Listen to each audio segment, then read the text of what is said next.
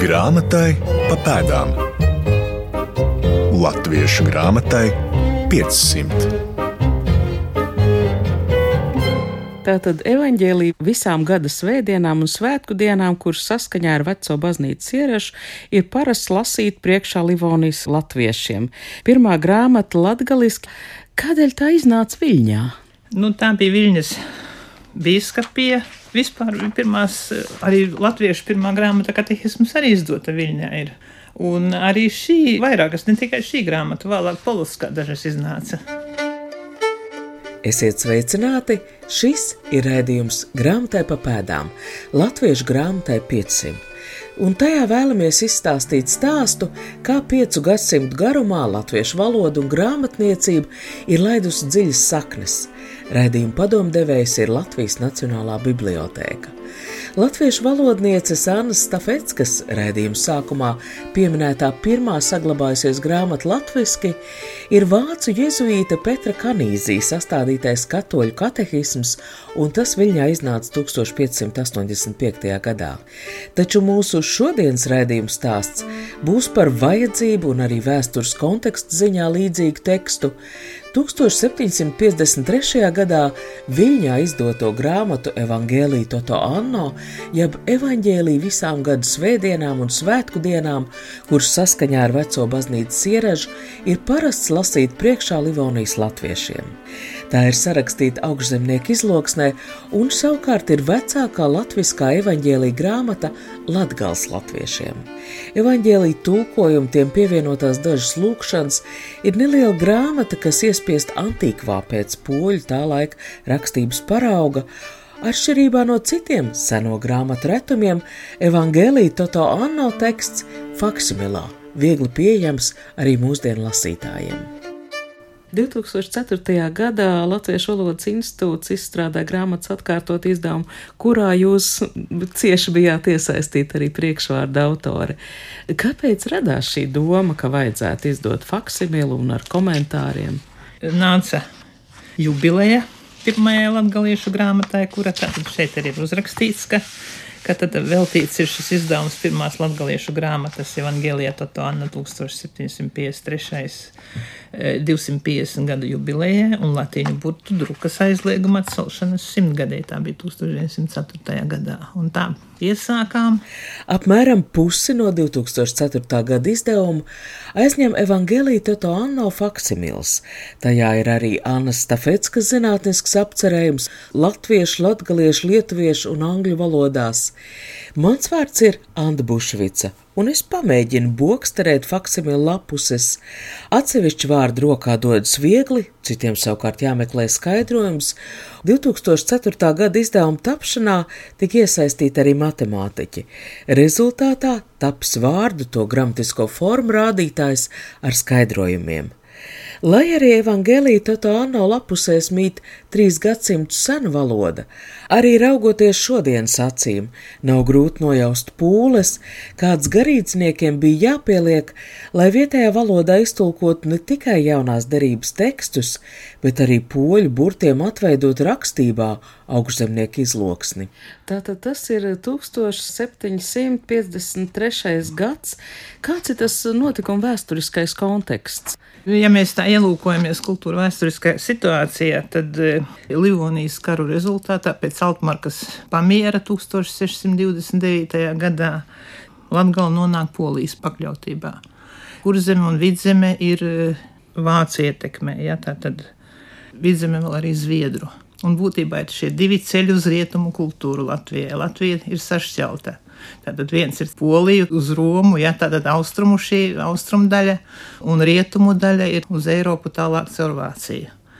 Faktiski jāsaka tā, ka 17. un 18. gadsimtā jau nostiprinās Latgales latviešu tāda etniskā apziņa, ja, ka viņi ir latvieši. Mēs redzam arī evaņģēliju, tai titulapā rakstīts, ka tie ir tulkoti latviešiem, ja, latviešu runas veidā. Bija tā, ka 17. gadsimtā uz Latgali pārcēlās jezuīti uz Daugaupili. Sākumā bija uz Daugaupili, pēc tam uz Ilūksti, Ilūkstes kolēģija. Viņiem bija jāatstāj cēsis pēc Zviedrijas ienākšanas, to mēs zinām. Interesanti ir tas, ka Līdz šim katoliskajā tradīcijā valdīja tā sauktā Elgara tradīcija, kurš bija izskolojies cēs apkaimē, un e, kurš latgals latviešu valodu, protams, nezināja, bet katoļu vairākumā jau bija latgalē. Un šī valoda bija diezgan pabriesmīga, jo faktiski neviens viņu klausoties nevarēja latgalietis saprast. Tātad lējas latviešu runas veidā, jeb vidus dialektā, ļoti arī kroplu rakstību, ja mēs paskatāmies Elgara darbus. Nu, un šajā laikā tātad gan jezuīti, gan arī jau bija izveidojusies no ordeņiem neatkarīgā garīdzniecība un iespējams, ka tur bija arī kāds vietējais. Un viņi, protams, saprata, ka tā nav tā īstā valoda. Faktiski to diktē nepieciešamība nodibināt jaunu rakstības tradīciju. Un 1753. E, gada evaņģēlīja tulkojums Tā ir pirmā, kas ir saglabājusies, vēl klīst dažādas leģendas par 1730. gada dziesmu grāmatu, kura it kā, it kā esot bijusi latgaliski, bet, ja paskatās, piemēram, Gustava Mantēfeļa katalogā, tad tur ir interesanti, ka šī pirmā grāmata, grāmatas nosaukums ir uzrakstīts 19. gadsimta rakstībā latgaliešu. Iespējams, ka viņš pat nav rokā turējis viņu. Mana otra šī raidījuma sarunbiedre ir filoloģijas doktors Skaidrīta Kalvāne, jeb nabadzīgā bērna Jēzus kongregācijas māsa Klāra. Atnākot uz interviju radio, viņa mani pārsteidz, izvelkot no kabatas skaisti restaurētu grāmatas oriģinālu. Jūs atnācāt ar Evangeliju Toto Anno oriģinālo izdevumu. Jā. No tā 1753. gada? Tieši tā, no tā paša 1753. gada. Cik es zinu, tirāža bija 300 eksemplāri, un nu, tas ir apbrīnojami, ka ir saglabājusies. Esmu savās rokās turējusi kādas desmit šīs evanģēlieto anno grāmatas. Esmu pati priecājusies un arī brīnījusies. Nacionālajā bibliotēkā ir atrodamas, man šķiet, ka divas vai pat trīs uh, akadēmiskajā bibliotekā. Esmu redzējis arī cilvēku privātu kolekcijās, un pat esmu atradusi kādas trīs vai četras. Bet ir kāds izskaidrojums, ka šīs grāmatas, nu, lūk, ir saglabājušās, kāda ļoti īpaša attieksme varbūt. Tās grāmatas pamatos laikam jau bija domātas garīdzniekiem, lasīšanai svētajā misē, lai vienkārši varētu lasīt to latgalisko evaņģēliju bet uh, dažas no šīm grāmatām bija piederējušas arī tā saucamajiem vienkāršiem zemniekiem. Uh, Nacionālajā bibliotēkā ir grāmata, kuras īpašnieks ir kāds jurs šos grāmatas turētojs. Un uh, es domāju, ka vēlāk, 20. gadsimta sākumā, tad, kad tika nodrukāta nākamā evaņģēlija lasījuma grāmatiņa, kuru sagatavoja vai pārtulkoja baznīcas kungs Kazimirs Skrinda. Tā tika izdota 1906. gadā. Ļoti iespējams, ka nu, kāds um, baznīcas kungs, kurš ne īpaši vērtēja vecās grāmatas, arī atdeva tās vecās grāmatas draudzes locekļiem, un tā tās aizgāja tautā. Māsai Klārai līdzi ir arī Kazimiers Skrindes 1906. gadā pēc latīņu drukas aizlieguma beigām izdotais evaņģēlī izdevums, un abas grāmatas, vismaz pēc formāta, ir ļoti līdzīgas. Arī tas kaut ko liecina par tradīcijas dzīvot spēju. Grāmatai pa pēdām. Un par tām valodu lietām jau pēc jēzuītu tēva Staņislava Kučinska liecības jēzuīti esot apspriedušies jau Daugopils jēzuītu kolēģijā, kādu valodas formu lietot, jo tie, kuri strādāja Jelgavā, kuri strādāja Skaistkalnē, tie runāja un dzirdēja pavisam citu valodu. Bet eh, pateicoties tam, ka katoļu baznīcā ir bijuši sasaukti koncili jau 16. gadsimtā, un tur tiek lemts, ka dieva vārdam ir jātuvojas tautai ka svētā mise gan paliek latīņu valodā, viss paliek normāli latīņu valodā, izņemot evaņģēliju, kas tiek lasīts tajā vietējā valodas formā. Un, ja mēs skatāmies to pašu 753. gada grāmatu, vai skatāmies vēl vienu otru agrāk rakstīto tekstu, man ir tāds teksts, kas varētu būt no 18. gadsimta 40. gadu beigām apmēram, tad tur ir sastopamas vairākas formas. Un es tagad eh, tīri labi saprotu, kāpēc tur ir atrodams gan un, gan und, gan i saiklis, tie ir meklējumi, kā tagad rakstīt, kā tagad domāt. Tāpat arī attiecībā uz atsevišķiem vārdiem, jo nenokrita tie vārdi uzreiz ne latgaliski, ne latviski. Ja es pareizi saprotu, tad eh, cilvēki runāja tādā kā valodas sajaukumā.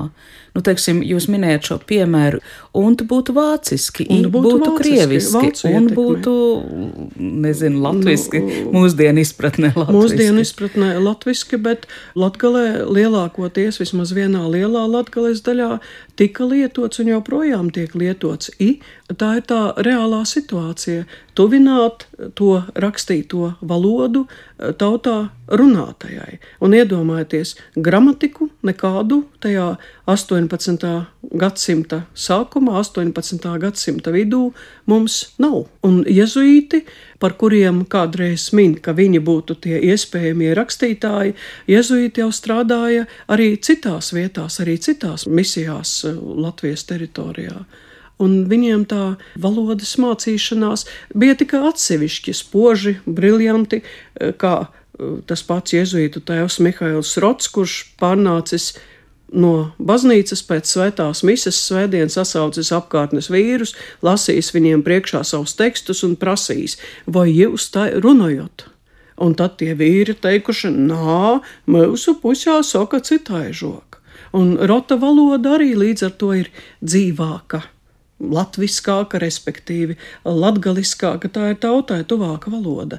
Bet, ja mēs ņemam vērā to, ka tā 753. gada grāmata ir kā pirmā, tad ir jābrīnās par tiem rakstītājiem, par tiem iespējamiem tulkotājiem, bet tie varēja arī nebūt iezuīti. Bet ir hipotēze, ka šos evaņģēlijus varētu būt tulkojuši pie jezuītiem nepiedarošie. Un no dažādām draudzēm, no dažādām vietām arī valoda tur brīžiem ieskanas gan austrumu izloksnes, gan dienvidu izloksnes. Ļoti minimāli, bet eh, starpību jūt vai tur taits vai tots. Un...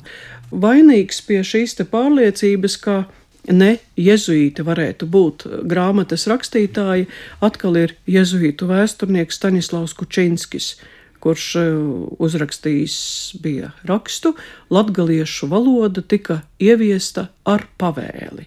Un tad min arī konkrētu bīskapa Puzinas rakstītu apkārt rakstu, par grāmatām, kādas lietojamas diecēzes austrumu, respektīvi tagadējās latgales daļā - vienveidības labad. Un viņš min pat konkrētu gadu un konkrētu datumu - 1744. gada 18. septembris.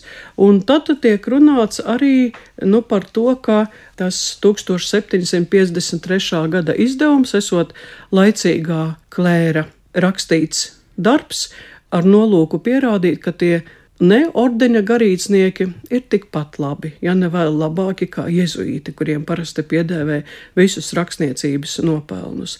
Un tad iespējami arī varētu būt tie atsevišķie garīdznieki, kuru uzvārdus mēs atrodam um, kaut kādos vizitāciju materiālos. Gan Reizeknes prāvests Jans Šostakovskis, gan Ludzes prāvests Nikodems Obrickis, Mariena Hausenes jeb Viļakas Matejs Januševičs, un arī dzen savu roku varēja būt pielicis pie darba arī Juzefs Mloževskis, kurš ir parakstījies grāmatiņas sākumā kā viens no cenzoriem. Juzefa Mloževska vārds arī ir iemesls, kāpēc evanģēlīja Toto Anno dažkārt tiek dēvēta par Asūnas evaņģēliju. Asūnas draudzē dot atļauju grāmatas drukāšanai, jo tur tajā laikā atradās Mloževska, kandidātu uz vakanto Livonijas bīskapu vietu, sēdeklis. Evangēlija Toto Anno iedibināja latviešu valodas otrās rakstu valodas tradīciju, bet te būtisks ir arī māsas Klāras komentārs. Tajā pat laikā tiek izdota arī evaņģēliju lasījumu grāmata ne latgales latviešiem, kurzemniekiem, kuru lasa suitu zemē un tā tālāk. Un es domāju, ja mēs runātu vēl kādā no valodām, no dialektiem, kas būtiski atšķirtos, ka arī tam noteikti tiktu veltīta grāmata. Mēs nevaram skaidrot tā, kā to vienu brīdi darīja valodnieks Ernests Blese, kurš teica, jēzuīti paņēma un sašķēla un mākslīgi izveidoja kaut ko. Normāli tajā laikā katrā mūžā, katrā apvidū bija sava atšķirīga valoda, līdzīgi kā šodien.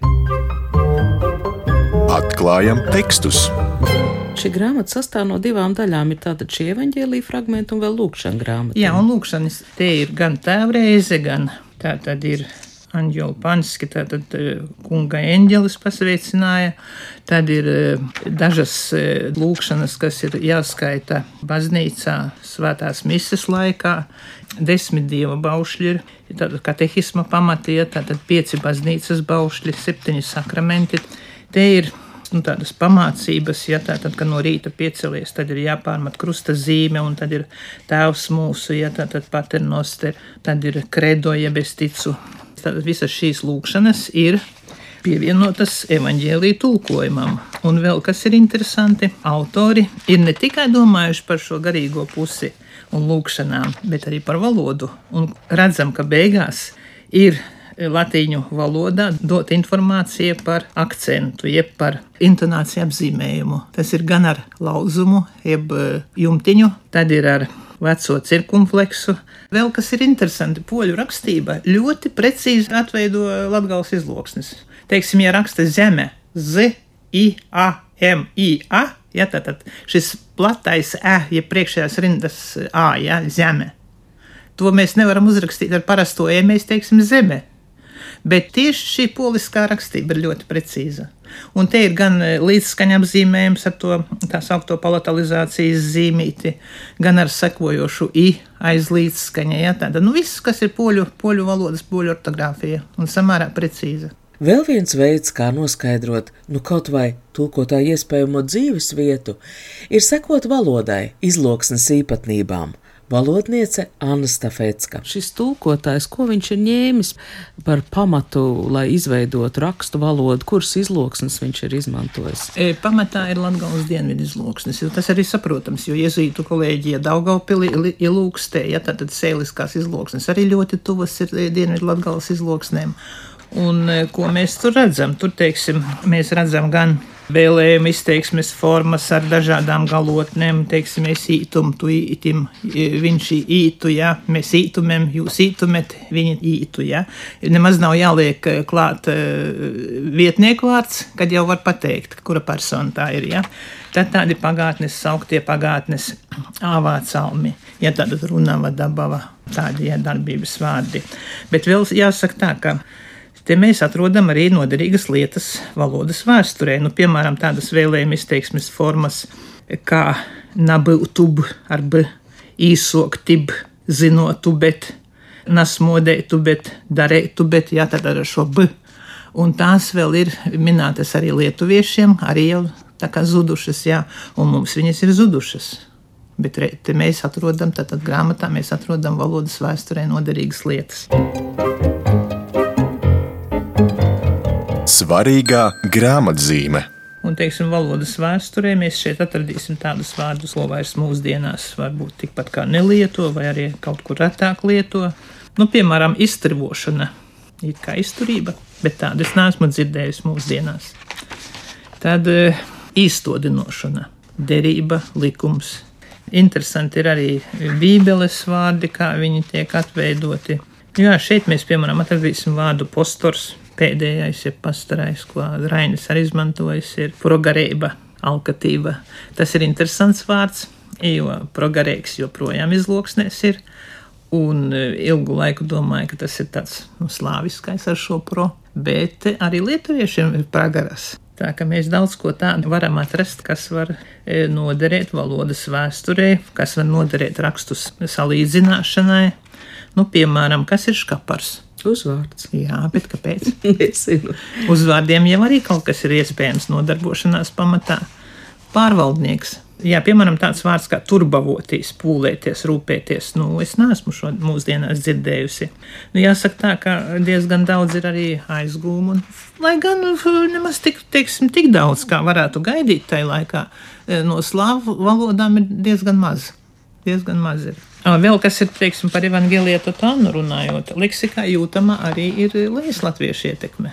Jā, nu, acīm redzot, tas pats Elgara evaņģēlijs varēja būt līdzās kaut kādas ietekmes ir bijušas tukšā vietā, gluži neradās. Un šodien varbūt mēs iedomājamies, nu, ka tā latviešu valodai vai latgaliešu valodā bija tikpat liela goda vieta kā latīņu valodai svētajā misē. Tā pavisam nebija. Varēja lasīt šos eh, evaņģēlijus vietējā valodā, ārpus mises. Tas bija tā, ka mise no sākuma līdz beigām bija latīniski, arī tas, ko priesteris lasīja no misāles, tie visi lasījumi, un latgaliski tad evaņģēlijas drīkstēja skanēt tikai pēc latīniskā, un priesterim bija arī jāveic pārģiepšanās. Bija iespējami divi varianti. Viņš noņēma ornātu, nu, to, to, to, apmetni. to apmetni un manipulu no rokas, un tad viņš uzkāpa ambonā, e, nolasīja evaņģēliju latgaliski, un, ja bija nepieciešams, viņš norunāja arī sprediķi, tad viņš kāpa lejā. Viņš atkal apģērbās, uzvilka to manipulu un ornātu, un pie altāra noskaitīja es ticu, un e, tad viņš turpināja uh, lasīt latīnisko evaņģēliju, un tad turpināja svinēt svēto misi. Vēl bija otra versija, kāpēc mises, tad, kad priesteris jau bija noģērbies un viņam bija mugurā tikai tas baltais tērps komža un stula, viņš kāpa ambonā, no tās lasīja svētdienas evaņģēliju vietējā valodā un teica sprediķi un praktiski tas evaņģēlijs latgaliešu valodā bija tikai tāda sprediķa sastāvdaļa. Bet tā evaņģēlija lasīšana baznīcā, ja mēs tā skatāmies baznīcas vēsturē, skaidri zināms, ka tā sākusies jau otrajā gadsimtā, kad tika lasītas priekšā gan vēstules, gan evaņģēlija fragmenti. Grāmatai pa pēdām. Latviešu valodas otrās rakstu valodas tālāko attīstību ietekmēja latīņu drukas aizliegums. Tas ilga no 1865. līdz 1904. gadam, un tā bija daļa no Krievijas impērijas valdības īstenotās politikas Vitebskas gubernijā un arī Lietuvā. Aizliegums ietvēra jebkādu latīņu tekstu iespiešanu un izplatīšanu latīņu burtiem jeb antīkvā, un tā mērķis bija mazināt poļu mužniecības ietekmi. Latgalē tas veda pie rokrakstu grāmatniecības laika, kam sekoja Latgals atmoda, kas aizsākās Pēterpilī starp garīgā semināra audzēkņiem, un vienlaikus šis fakts izceļ grāmatas Evangelija Toto Anno iznākšanas nozīmi. Šī ir grāmata, kuras iedibinātā rakstu tradīcija tika pārmantot sekojošajos 18. un 19. gadsimta baznīcas un arī laicīgajos izdevumos. Līdz pat drukas atcelšanai 1904. gadā un jau raidījuma sākumā pieminētajam Kazimieras Skrindas evaņģēlija izdevumam. Tas jautājums faktiski būtu tāds, tā tad uh, iznāk šis uh, Skrindas izdevums, kas jums arī šodien ir līdz. Viņš ir līdzīga formāta, kas liecina, ka kaut kādā veidā kaut kāda tradīcija vai atmiņas ir saglabājušās. Formāts ir ļoti ērts, viegli līdzi paņemams, un, un šeit tikai ir paplašināts daudz uh, plašāks svēto eh, piemiņas dienu mm, skaits jā, šajā pirmajā 753. gada evaņģēlējā grāmatiņā eh, tādi īpaši lasījumi veltīti tikai tiem atsevišķiem svētījiem. Man grūti iedomāties vēl kādu grāmatu, kas tik ilgi lasīta baznīcā. Grāmata Evangelija Toto Anno, jeb Evangelija visām gada svētdienām un svētku dienām, kuras saskaņā ar veco baznīcas ieražu ir parasts lasīt priekšā Livonijas latviešiem, tiek uzlūkot par latgaliešu rakstu valodas pamatu. Šo raidījumu grāmatai pa pēdām latviešu grāmatai 500 stāstu jums vēstīja filoloģijas doktors Anna Stafetska un māsa Klāra jeb Skaidrīt Kalvāne. Šī raidījuma skaņoperātora Nora Mitspapa ar jums sarunājās Anna Bušvica. Grāmatai pa pēdām.